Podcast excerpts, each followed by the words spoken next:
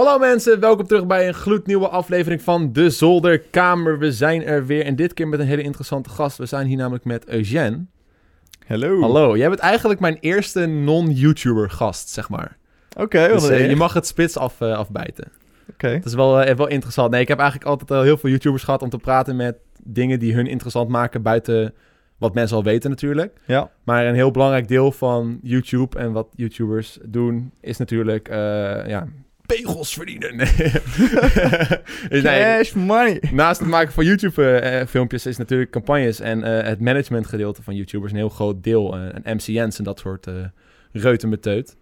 En Yep. eh, ik ken jou eigenlijk eh, via mijn eigen M- MCN eh DiviMove. Daar heb ik jou leren kennen. En eh, daar werk je nou niet meer. En we hebben eigenlijk nog steeds wel contact. eh, ook een beetje nieuw, bij je nieuwe bedrijf en wat je nu doet. Ja. Eh, dus laten we allereerst even beginnen met een korte introductie voor de kijkers. Want ik, waarschijnlijk kent niemand je. Hallo. dus eh, wie is Eugène? Yes. Nou, Eugène is een eh 30-jarige jongeman Ah. die in Berlijn woont. En vijf jaar, nee, zes jaar geleden eh DiviMove in Nederland ehm, ja, eigenlijk, eigenlijk heeft opgebouwd. Ja. En na vijf jaar ben ik mijn eigen bedrijf begonnen. En dat is Ventube. En in die, in, in die trant heb ik eh, eigenlijk heel veel YouTubers leren kennen, zowel zakelijk als, als privé. Eh, eigenlijk, ja, ik zou durven te zeggen dat het wel 90% van de YouTubers die ken ik persoonlijk. Of eh, ja, daar heb ik al mee samengewerkt. Ja, precies. Van de YouTubers in Nederland. dan? Ja, in Nederland. Ja. Ja. Ja. Ook wel een paar grote internationaal, maar dat is... eh, ja, Nederland is wel eh, thuisbasis. Ja, precies. Je Ja. werkt wel vanuit Berlijn dan, dat is wel interessant. Ja, ja. En inmiddels, ja, ik heb daar sinds vorige week mijn vriendin ten huwelijk gevraagd. Dus Ah. het is nou wel iets Ah. duidelijker. Maar de markt, zoals gezegd, de YouTubers ken ik in Nederland. Dus Mhm. ehm, ja, er zijn wel plannen om op een gegeven moment dichter in de buurt te wonen ja, dan Berlijn. toch wel? Ja, toch wel. Nee, precies. Maar jij zegt dat je, dat je vijf jaar geleden heb jij DiviMove opgericht. Voor de mensen thuis die niet weten wat DiviMove is. DiviMove is dus een MCN. Dat staat voor?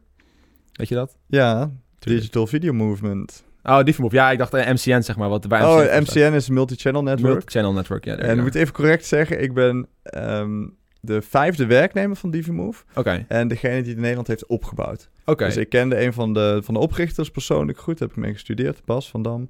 En ehm, nou, die vroeg me eigenlijk, Eugène, eh, wil je een nieuwe uitdaging aangaan? En eh, kom naar Berlijn. Dus ik dacht, eh, why not? Ja, let's go. Ja, Ja, ik kan me nog herinneren toen in die tijd dat het net een beetje aan het opkomen was. Als ik echt zo'n mini-YouTubertje stond ik onder Milan Knol. Ben ik ja. volgens mij nog één keer met jou in call geweest. En dan, toen, toen ging ik mijn eerste contract tekenen bij Divi. Dat was toen via jou gegaan, dat weet ik nog wel. ja. Maar ja, bij Divi Move had je altijd heel veel verschillende... Dat heet dan partner management managers. En daar praat je dan mee al over van alles en nog wat over je YouTube-kanaal. Stel je krijgt een copyright claim of een strike of zo... dan kon Divi Move je daarbij helpen. Eh, en soms had Divi Move een campagne voor je, eh, een betaalde klus. En dan eh, had je contact met je partner manager. En ik had eigenlijk nooit jou als partner manager. Nee, nee, klopt. Ik was nooit groot genoeg. Sorry. nee, maar. Nu wel, nu, Nu wel. Oh, hij zit in mijn podcast. nee, maar ik heb, je hebt dus vijf jaar lang heb je dus, ben je dus partner manager geweest bij DiviMove, right? Ja. Ja, en dan had jij de grote kanalen zoals Enzo Knol, Milan Knol, Don. Ja, Voor Nick Tutorials. Nick Tutorials. Zeker een, eh, niet, niet te vergeten. Topnotch. Topnotch ook, ja. De rappers. Je hebt wel gro- grote namen gehad onder je dus. Ja, Tomorrowland zelfs, een halfjaartje. Serieus? Ja. Nou, dat is wel vet. Ja. Maar heb je, um, hoe, hoe is jouw ervaring geweest bij DiviMove? Zeg maar, in, de, in die vijf jaar wat je, dat je daar zat, zeg maar, als MCN zijn of als partnermanager zijn. Hoe, hoe was jouw ervaring? Nou, het is zeg maar zo dat het... eh, het is een super nieuwe markt. Eigenlijk eh, nu inmiddels al... eh, Nu al wat ouder? Nou, wat ouder. Zes jaar in de digitale wereld is eh, heel, heel oud. Maar ehm, nee, ja, in het begin ehm, is het oprecht kijken... oké, waar kan je eh, waarde creëren? Eh, met wie wil je samenwerken? Eh, waar klikt het bij? Dat is eigenlijk het belangrijkste. Want op het moment dat, je, dat iemand je gaat helpen bij je carrière... dan moet diegene echt weten wat hij doet... en ook echt interesse in je hebben. Ja. En ja, dat vond ik altijd het belangrijkste. Dus daarom belde ik best wel veel met mensen om diegene te leren kennen. En eh, eh, ik kan me nog wel goed herinneren dat, eh, dat, dat Milan op een gegeven moment belde en zei... Ja, een broertje van mij gaat beginnen met YouTube. Ja. En kan die ook bij jullie? En wel intern was dat heel makkelijk schakelen. Ik met, met Bas. Eh, op het moment dat er goed gevoel is, dan, eh, dan doen we dat. Ja. En eh, eigenlijk hebben we ook wel een beetje een vuistregel dat op het moment dat iemand groot is... Nou, op dat moment was Milan al groot. En een vriend of een vriendin of een familielid die start met YouTube. Ik wil niet onderbreken, maar Oh. die gaat echt met haar hoofd in je glas. Het is echt hilarisch. Hey, little. Little.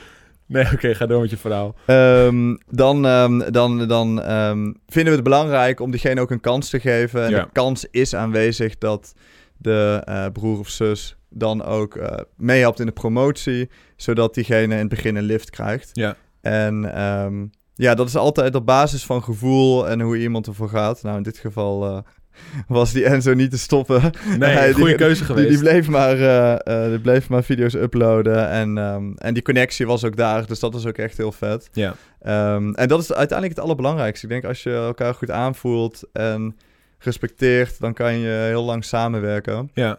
Ehm, en ik denk zelf dat dat eigenlijk bij iedere MCM wel het geval is.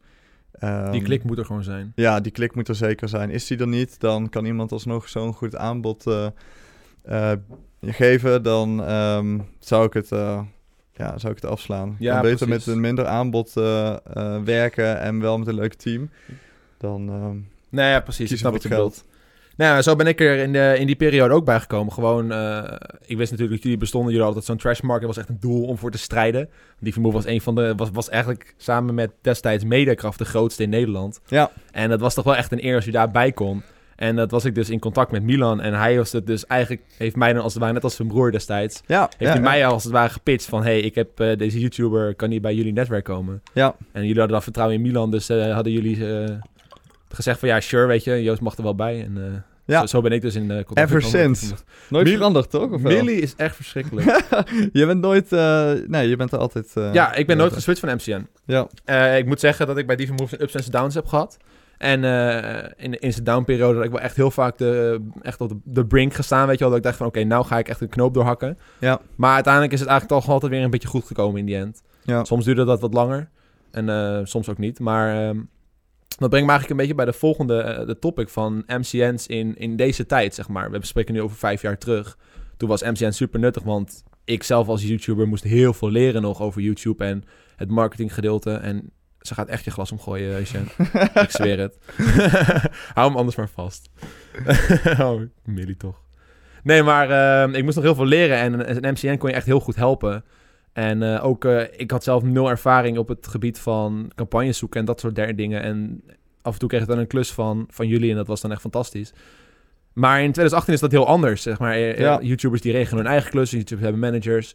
Ehm, MCN's, zeg maar, dingen uitleggen over hoe YouTube werkt is voor ons niet meer belangrijk, want wij kunnen nu dat zelf allemaal. We weten, we weten na zoveel tijd inmiddels wel hoe YouTube, hoe YouTube werkt. ja. Maar wat is in jouw mening dan nog een beetje de toekomst of het nut van een MCN in 2018, zeg maar? Als, stel, ik zit er nu al zo lang bij. Wat, wat heb ik nog aan een MCN? Wat heb ik nog aan DiviMove? Nou, ik denk, ik denk zelf persoonlijk is altijd de... ehm, ja, ik wil niet zeggen per se mentor, maar wel een, een, eh, een second opinion. Ja, Omtrent content, omtrent samenwerkingen. Gewoon een vertrouwenspersoon waarmee je kan overleggen op het moment dat je het niet weet. ja, En dat hoeft niet per se altijd je ouders te zijn of je broer, maar het kan ook iemand van de industrie zijn. ja, Dat vind ik wel een belangrijke.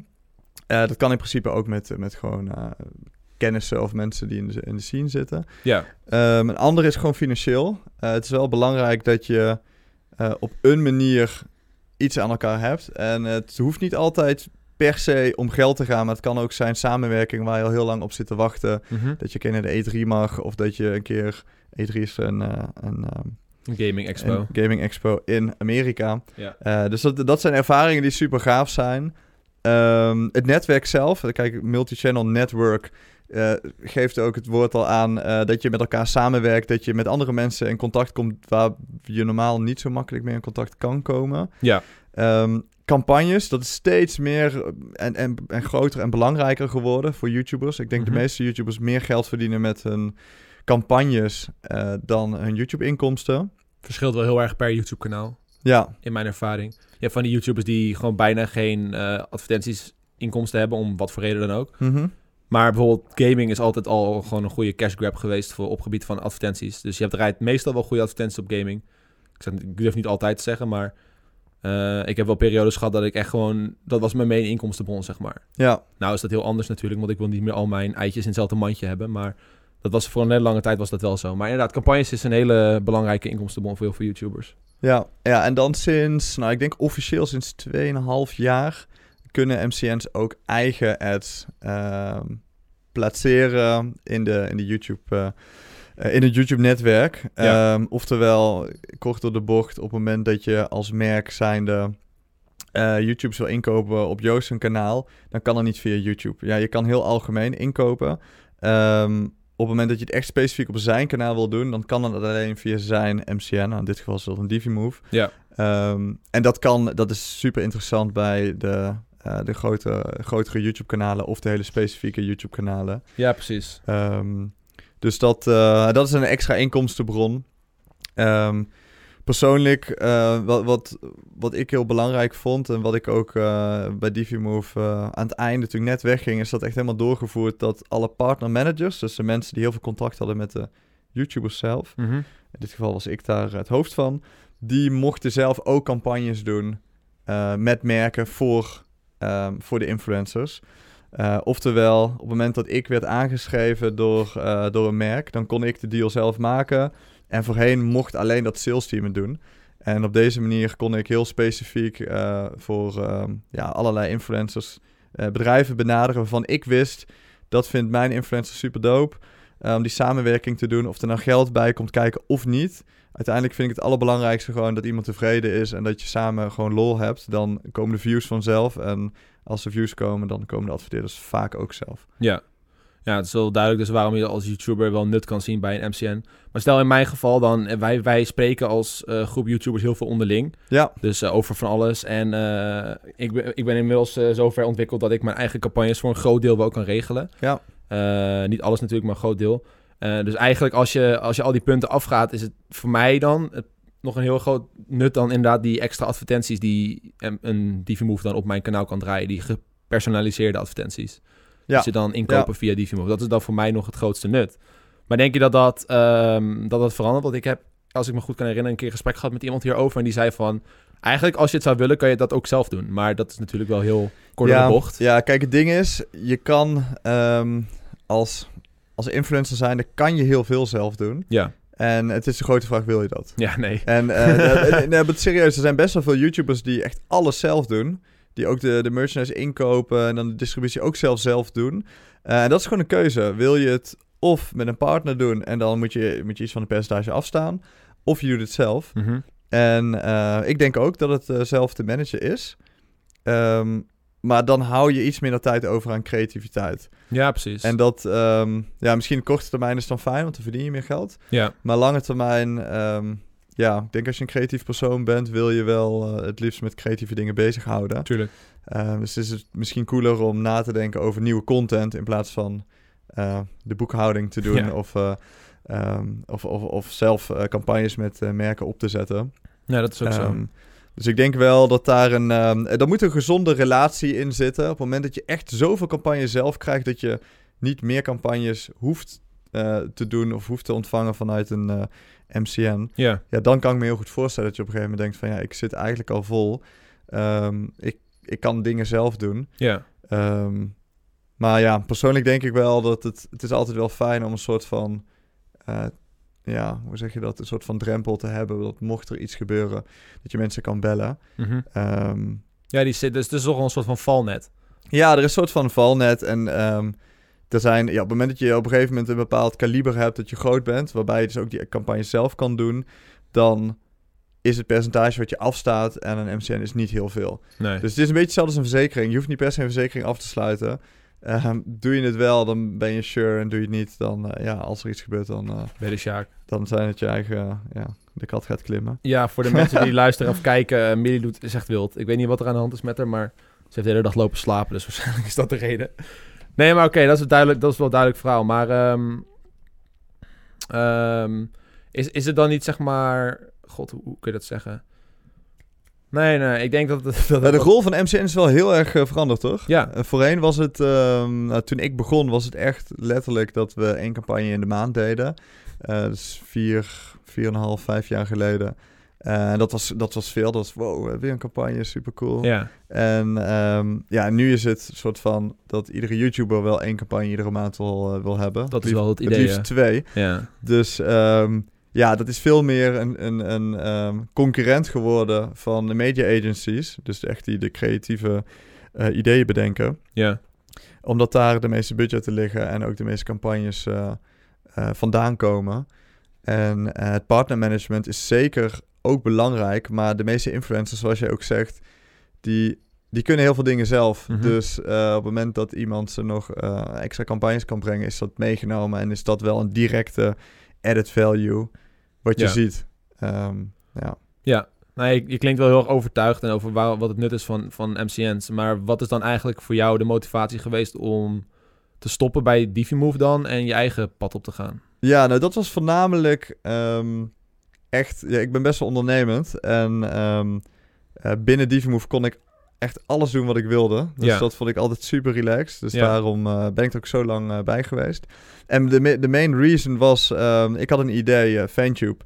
Het, het, ehm, het eigenlijk een platform oprichten... waar je persoonlijke filmpjes kan kopen Ja. ehm, of winnen van een artiest. En ehm, die maakt dan een persoonlijk filmpje voor ofwel jou of een vriendin. Ja, ik heb En zelf ook bij, de- bij Fantube. Nou, ik Ja. zit nog steeds bij trouwens. Ja, dus, steeds eh, bij. de service is eh, bekend bij hopelijk een paar van jullie kijkers. Eh, nee, maar daar geloofde ik heilig in. Ik had echt het idee van, ja, daar eh, op het moment dat ik allemaal van buren of grote artiesten heb. Want Ja. ik kreeg die aanvragen als partnermanager eh, bijna dagelijks. Voor Enzo, voor, voor Milan, voor allerlei eh, influencers. Ehm, dus da- dat is de reden dat ik eh, ben gestopt. Echt puur om te ondernemen. En dat vind ik ook zelf belangrijk ehm, om te melden. Het is soms goed om, ehm, om een stap terug te doen. En gewoon te gaan voor hetgeen waar je, waar, waar je zelf gelukkig van wordt. Een passie. Ehm, en dat is dan eh, heel onzeker. Want voor mij was het heel onzeker. Ja. Ik, eh, op een gegeven moment verdien je gewoon niks. Omdat je, ja, je, je gaat testen. Je gaat kijken, oké, wat is het verdienmodel? Mhm. En leveren die filmpjes wat op. Nou, het eerste filmpje van Armin werd verkocht voor 1000 euro. Dus toen eh, dacht ik wel van, nou, dit is interessant. Ja, Maar we hadden het, systeem zo gebouwd dat eh, iedere artiest en influencer kan bepalen waar dat heen gaat. Dus eh, eigenlijk bijna alle influencers en artiesten deden voor het goede doel. ja. Waar ik ook vond dat ik dan niet een groot percentage daarvan af kan nemen. Dus ehm, nou, uiteindelijk bleek na een jaar dat het niet genoeg opleverde. Dus toen ben ik eigenlijk in gesprek gegaan met een paar merken. En daar kwam een meteen eigenlijk een leuke campagne uit met Dubbel Fris. En dat hebben we een half jaar gedaan. En dat, dat is nu eh, steeds groter geworden en er komen steeds meer merken bij. Dus dat is wel heel fijn. Het netwerk wat ik al had van DiviMove Ja. en eh, alle nieuwe mensen die ik heb leren kennen via Fantube. Daar zijn meer eh, campagnes uit voortgekomen. En eh, nu we- werk ik met de mensen die ik leuk vind en met de merken die ik leuk vind. Dus eigenlijk wat jij bij DiviMove ook al een beetje deed, maar dan voor de mensen die jij als partnermanager onder je had, Ja, doe je dus nu eigenlijk een beetje op eigen been. ja exact, exact. Dus je, zie je jezelf dan ook echt als een partner management? Ja, je kan het een beetje, nou niet per se partner management. Ik ben meer een, eh, een agency. Oké. Dus een eh, merk kan naar mij toe komen omtrent de campagne. Maar ik werk, ja, zoals ik al zei, ook best wel veel met eh, influencers direct. Ja. In het geval van Roy, Roy Listic, eh, is hij naar me toe gekomen vanwege een evenement. Ja. En ja, dat soort projecten vind ik super gaaf. En ik, ik kijk dan per project of het past, of ik het leuk vind en Mhm. of, we of we er samen ook iets aan kunnen verdienen. Dat is natuurlijk ook niet onbelangrijk. Als Nee, ondernemer tuurlijk. moet je wel gewoon financieel... En jij bent ook ondernemer. Dus je moet wel afwegingen maken gebaseerd op eh, of het lol, eh, lol oplevert en eh, dat je er iets aan kan verdienen. Ehm, dus ja, ik ben best wel een chameleon op dit moment. Ja. best wel veel dingen, maar... ehm, Ja, jij hebt dus toen ook Royalistic Live gedaan, toch? Dat is het grote Ja. evenement waar je het over had. Ehm, en dan, eh, dan, dan reageer je dan ook nog gewoon los campagnes voor, voor Roy? Of was het echt Royalistic Live? Dat was dan het projectje en dan hou je je verder bezig met andere... Ja, nee, het was eigenlijk echt bedoeld als one-off eh, project. En ehm, nou, dat, dat liep eigenlijk zo goed dat we op een gegeven moment, ja, natuurlijk leer je dan elkaar nog beter kennen. Ja, En ehm, nou, daar kwam een Royalistic 2 uit, uit voort.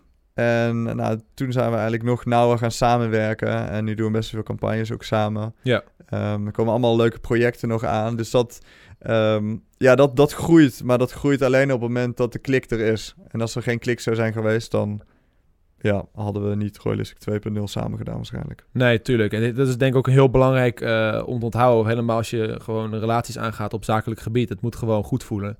Mhm. Zodra er geen, geen klik is of het voelt niet goed eh, tussen een van de twee partijen... dan is het nooit verstandig om een, eh, ja, om een hand te schudden, laat het zo maar even noemen. Om Ja. samen met elkaar in zee te gaan. En transparantie, dat vond, vond ik heel belangrijk, maar hij Ja. ook.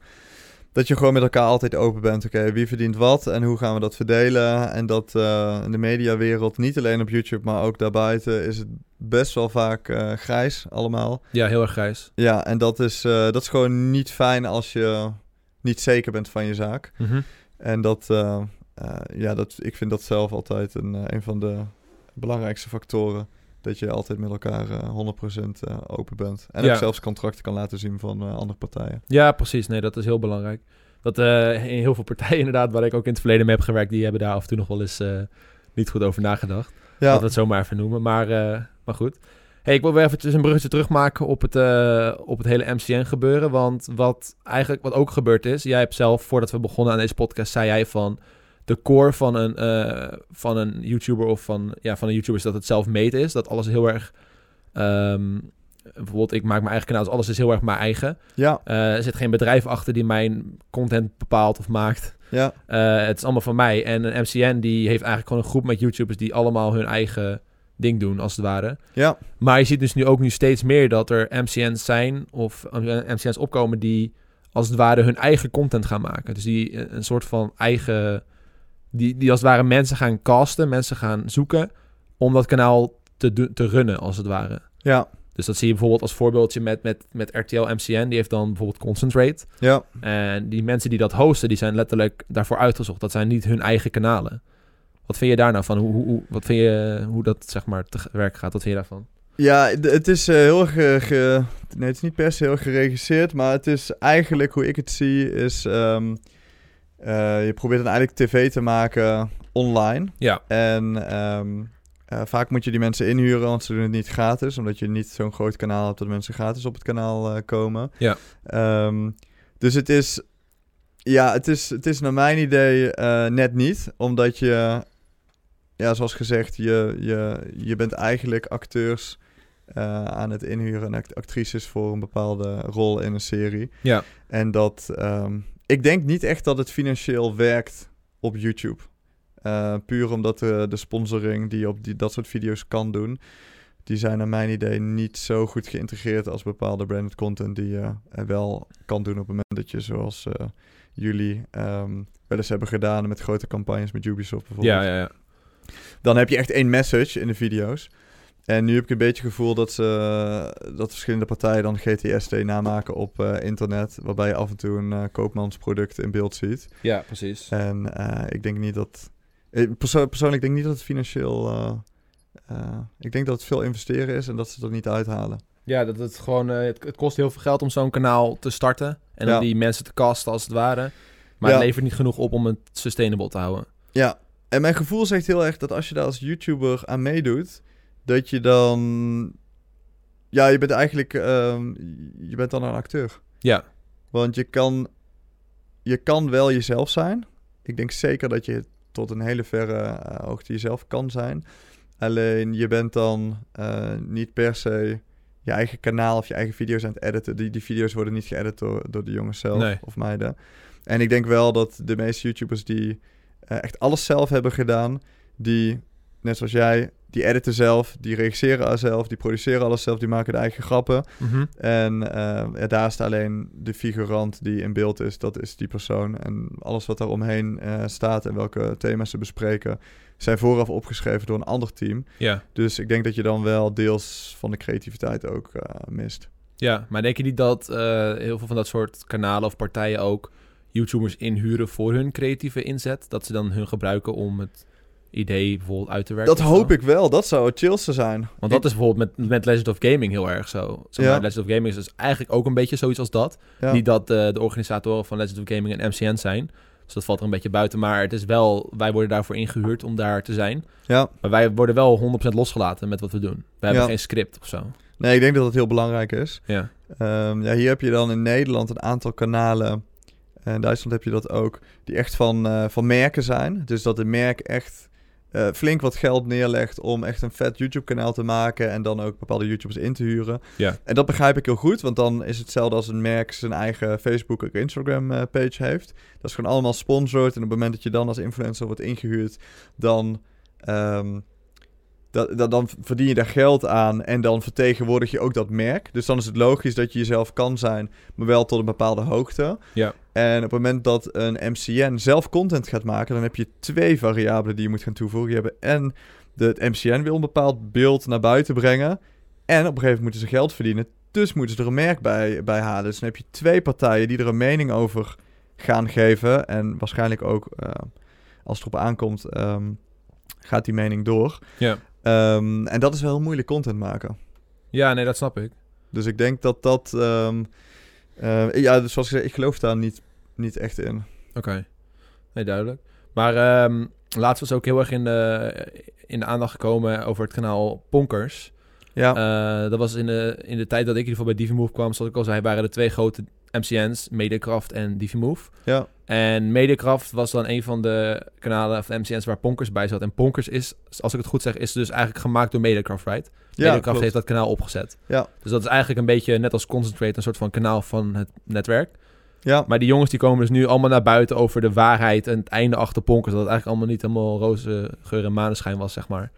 Ja, nou, ik ken de jongens goed. Ik ken ehm, ehm, ja, eigenlijk alle, alle, alle mensen die daarbij bij, eh, bij gewerkt hebben, Ja. ken ik ook goed. En eh, hoe, hoe ik dat eigenlijk zie is dat ehm, ehm, het, is kip, het is een beetje kip-ei verhaal. Ehm, en dit, in dit geval is het zo dat eh, eh, de influencers dan op de payroll staan, dus betaald worden als vaste, eh, ik noem maar wat, als vaste acteurs Ja, eh, door het bedrijf. En eh, op het moment dat je een beginnend influencer bent, dan is dat super chill. Ja. Want dan, ja, dan heb je gewoon zekerheid, je krijgt betaald en je mag filmpjes maken. Dat, dat is super leuk. Mhm. Wat vaak het probleem is, op het moment dat de influencer groeit, dan krijgt hij ook allerlei aan- andere aanbiedingen. ja. En eh, dat is natuurlijk super gaaf, want dan groei je en dan is je social media kanalen gaan allemaal omhoog. En op dat moment moet je met je opdrachtgever, het bedrijf waarvoor je werkt, moet je een bepaalde regeling gaan treffen, omdat jij veel meer waard gaat worden dan wat je betaald krijgt. ja. En dat is vaak moeilijk. Want daar verschillen af en toe de meningen van, hé, hey, wat ben je waard, wat ben je niet waard. En ehm, eh, ik weet niet wat de financiële situatie eh, bij Ponkers was. Maar wat ik wel weet, is dat het een hele moeilijke discussie is. Want ja, je moet dan een soort van een price tag aan iemand ehm, linken. ja. En eh, diegene is dan ook fulltime in dienst. Dus eigenlijk alles wat jij doet, ehm, dat draagt bij aan het kanaal. En op het moment dat jij je daar niet door eh, gewaardeerd voelt, wat je Ja. financieel krijgt, ja, dan, dan ga je niet met plezier filmpjes maken. Hoe denk je dat het is gegaan toen Mediacraft werd opgedoekt? Toen dat zeg maar failliet ging?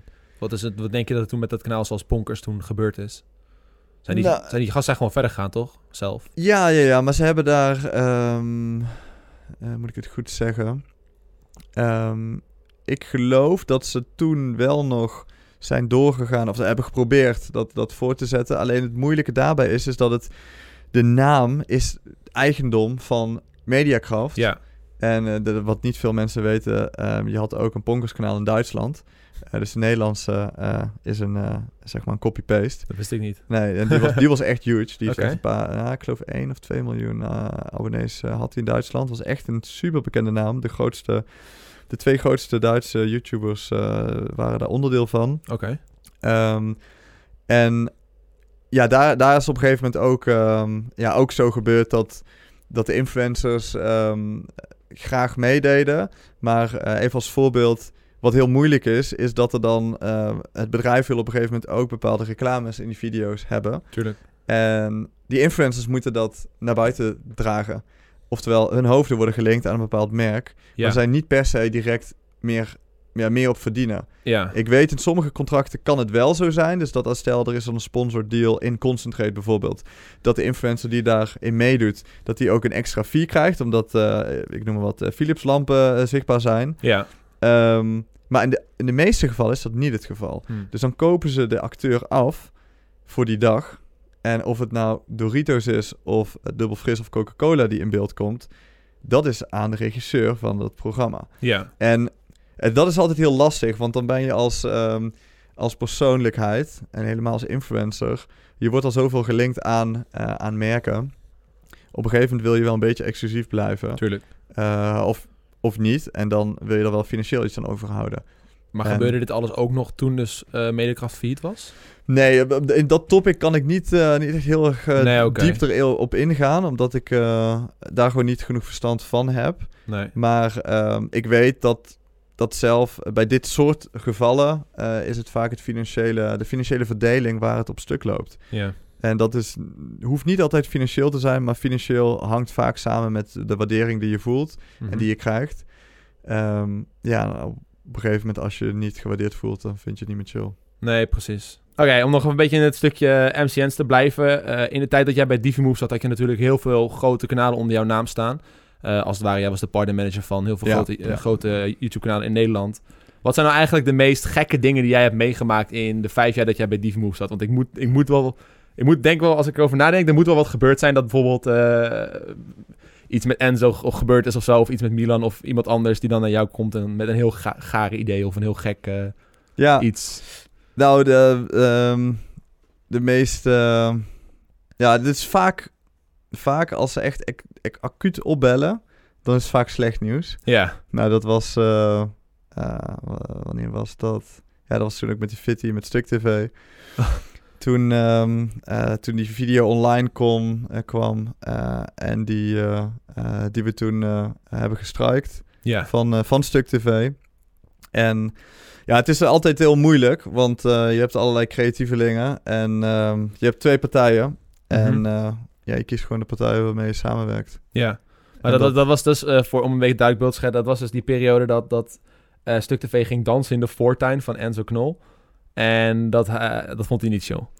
Ja, nou, het was, het was iets gecompliceerder. Was zeg maar zo, ehm, zo heb ik het ook eh, in eerste instantie direct van hem eh, gehoord. eh, toen hij aan de, aan de, aan de lijn, lijn was met mij. Dat ehm, hij had gesproken met ze nadat zij dus uit de tuin weggingen. Ja, En de politie kwam. Dus toen zei de politie: Nee, ik wil even nog met jullie beiden spreken. oké. Dus nou, de politie ehm, eh, had toen met Stuk TV gesproken, waarbij eh, ook, ook Enzo eh, mee kon luisteren. En ehm, daarin gaven zij aan: nee, we verwijderen echt alle content. We laten dit niet zien op YouTube. Oké. We doen alleen eh, de intro dat we aankomen. Maar nee, ze, ze zouden het verzekeren aan de politie dat dat beeld niet zichtbaar was. Nou, dat had ik van Enzo eh, vernomen. Nou, en toen die video online kwam, waarin hij echt duidelijk in beeld was, Ja, dat, dat toen, dat was het moment eigenlijk dat Enzo ook dacht van ja, maar dit is gewoon kut. Als zij beloven het niet te doen en ze doen het wel, ja, dat is gewoon niet netjes. En toen stond ik hem gewoon bij. Dus toen hebben wij, was wel een beetje grijs gebied, want je mag eigenlijk niet zomaar random kanaal strijken, strijken. Maar op dat moment heb ik meteen met Bas besproken. Ik zei Bas, het is gewoon niet eerlijk hoe het is gegaan. En eh, ja, one for the team, laten we het doen. En toen hebben we dat gedaan. Is, dat, eh, is die video offline gehaald. Ja, toen was natuurlijk al in principe eh, beetje olie eh, op het vuur. Ja. En dat werd nog meer, omdat... Oeh, die Move heeft het kanaal van Stuk TV... eh, of een video van Stuk TV eh, verwijderd of Ja.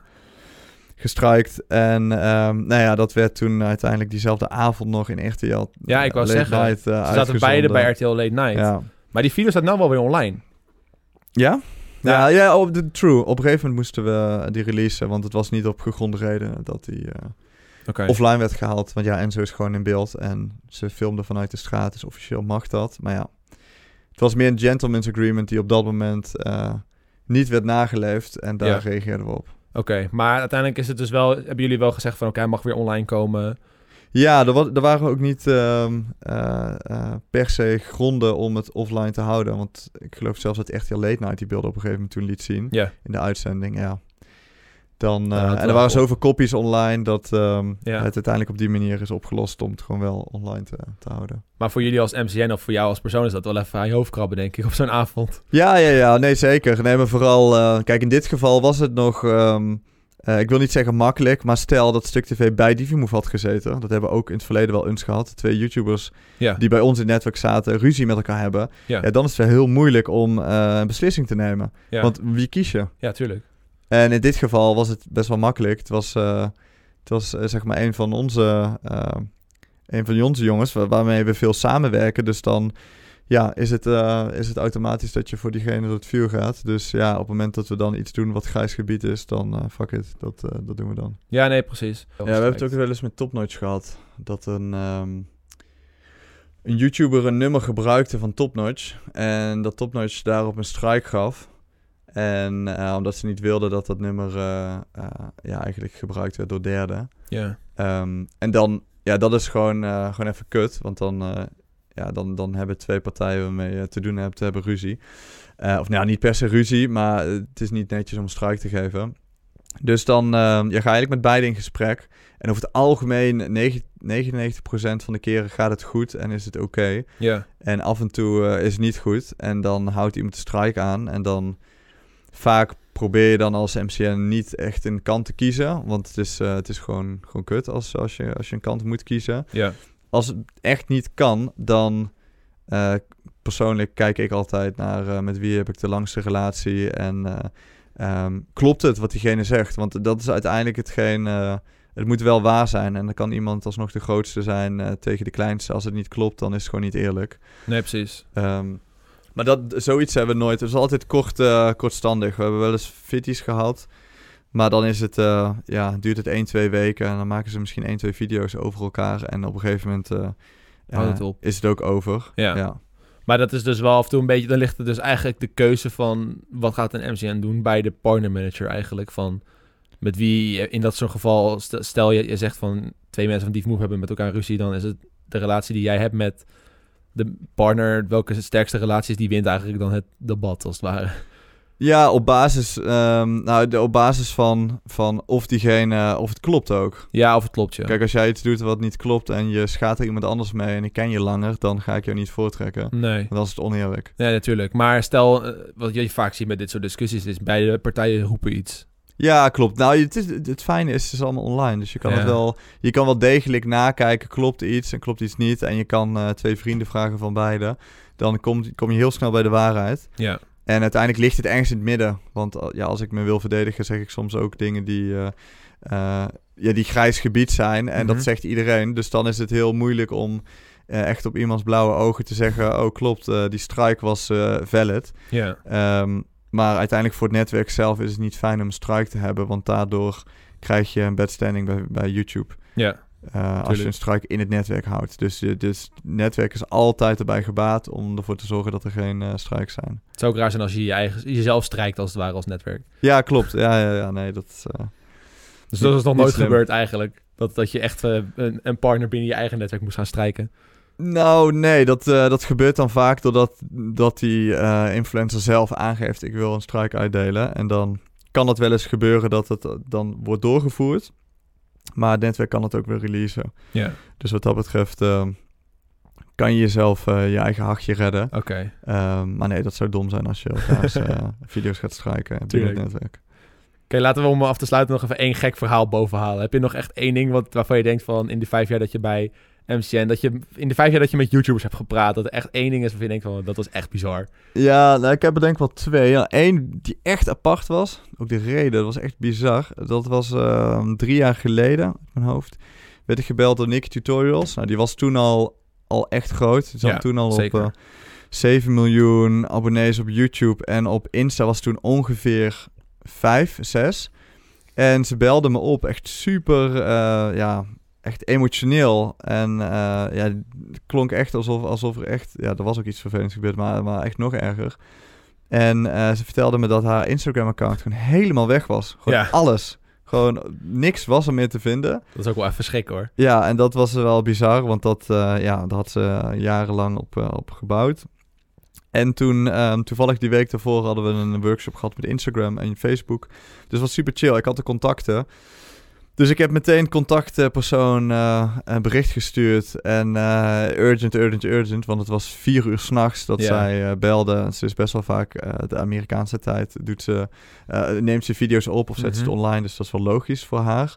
Ehm, maar uiteindelijk bleek dat Instagram het account had gedelete van haar. Dat is vreemd. Omdat ze dachten dat het een fanaccount was. En ze waren bezig met het opschonen. Ja. En we hadden ze ook wel opdracht gegeven om het op te schonen. We hadden een aantal eh, fake accounts doorgestuurd. ja. Maar ze hadden dus in plaats van fake accounts, hadden ze het echte account gedelete. Meen je niet. Ja, en dat is gelukkig konden ze wel weer allemaal reversen en zo. maar dat was wel even, dat is echt een slapeloze nacht geweest voor die Ja. meid. Tuurlijk. Voor mij ook een beetje, maar voor haar is natuurlijk haar hele, ja, Maar, maar waar was drie jaar geleden het ver- ver- verification systeem er nog niet op Instagram dan? Nou, dit was, eh, dit was zo dat je, je moet echt handmatig eh, kanalen verwijderen. Dus iemand van Instagram, Ja. die verwijderde copycat kanalen voor Nicky. Maar dan zie je toch dat blauwe vinkje en denk je toch niet van, oh, dat moet verwijderd Ja, worden? nee, dat was toen nog niet zo... Oh, dat eh, was toen nog Nee, niet. dat was toen niet zo... eh, ja, hoe zeg je dat? Het was er al wel, maar alleen de, de bekende voetballers en dat soort mensen hadden het. Ja. Of de, de politieke eh, mensen, de, de, de influencers die verder buiten YouTube of Instagram niet, niet echt een, eh, een beroep hadden, die werden nog niet echt geverifieerd. Dus nee, dat was echt een grove fout. Zo. Dat, eh, ja. Ja, inderdaad. Dat- dat- ik zou hem ook eh, helemaal rot schikken als mijn Instagram weg is. Ja, ja, ja, dat is... Maar dat is wel Bizar. bizar. Hey, Instagram, geef me trouwens even een vinkje als je kijkt. eens kijken hoor. Verification. als je kijkt, oh, laten we Even kijken, wat is er nog meer een leuke? Ja, wat was de Ehm, laatste? Even de laatste, nog een leuke. Ja, dan denk ik, eh, dat, is gewoon, dat is gewoon echt een leuk moment was dat.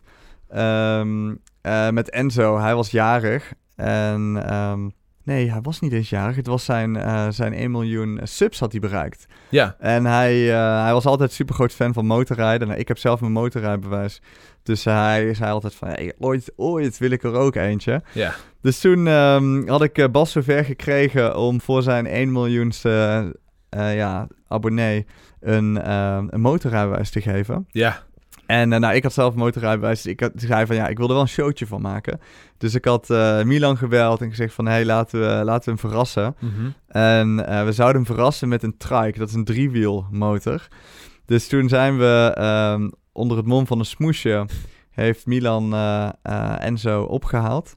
En toen ben ik samen met Bas op die motor, zijn we door de, ja, een soort van, in de buurt van Hilversum, waar hij toen nog woonde, zijn we gaan rijden. En op een gegeven moment zagen we de auto van Milan. ja. Daar stopten we en we gingen een soort van, want wij zagen er heel intimiderend uit. We hadden een motorpak op, helmen. En we gingen expres voor de auto stoppen.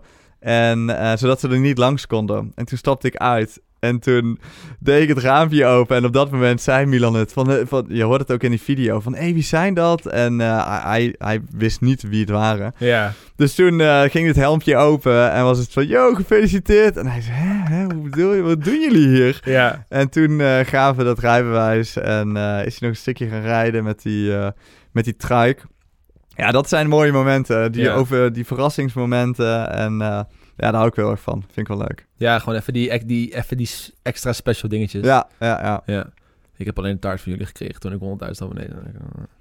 Waar is mijn motor? eh, Ja, nee, oké. who knows, who Who knows. knows? Maybe one day. Ik zit op de helft van de miljoen, dus kom maar wel. Bijna Ja. de helft. Nee, maar ik denk dat we dan wel een mooie, mooie podcast hebben zo. We hebben flink wat, eh, wat behandeld. Ja, Voor de kijkers thuis, mochten jullie nog, eh, nog vragen of iets dergelijks hebben, laat ze dan vooral weten in eh, de reacties beneden. En eh, wie weet dat ik dat Eugène er nog eens op terug kan komen. Ja? thanks for having me. Ja, vond je het leuk? Ja, ja, Ja? zeker. Ja, ik Ja, heb al heel lang niet gesproken over dit soort dingen. Ja. Maar ik vind het altijd leuk. Ja, mooi. Gelukkig. Laat weten in de reacties wie jij misschien als gast wilt hebben of wat voor onderwerp jij interessant vindt, waar je misschien meer over wil weten. Voor nu bedankt voor het kijken en doe een duimpje of zo. Doei. Bye Tchau. Tchau.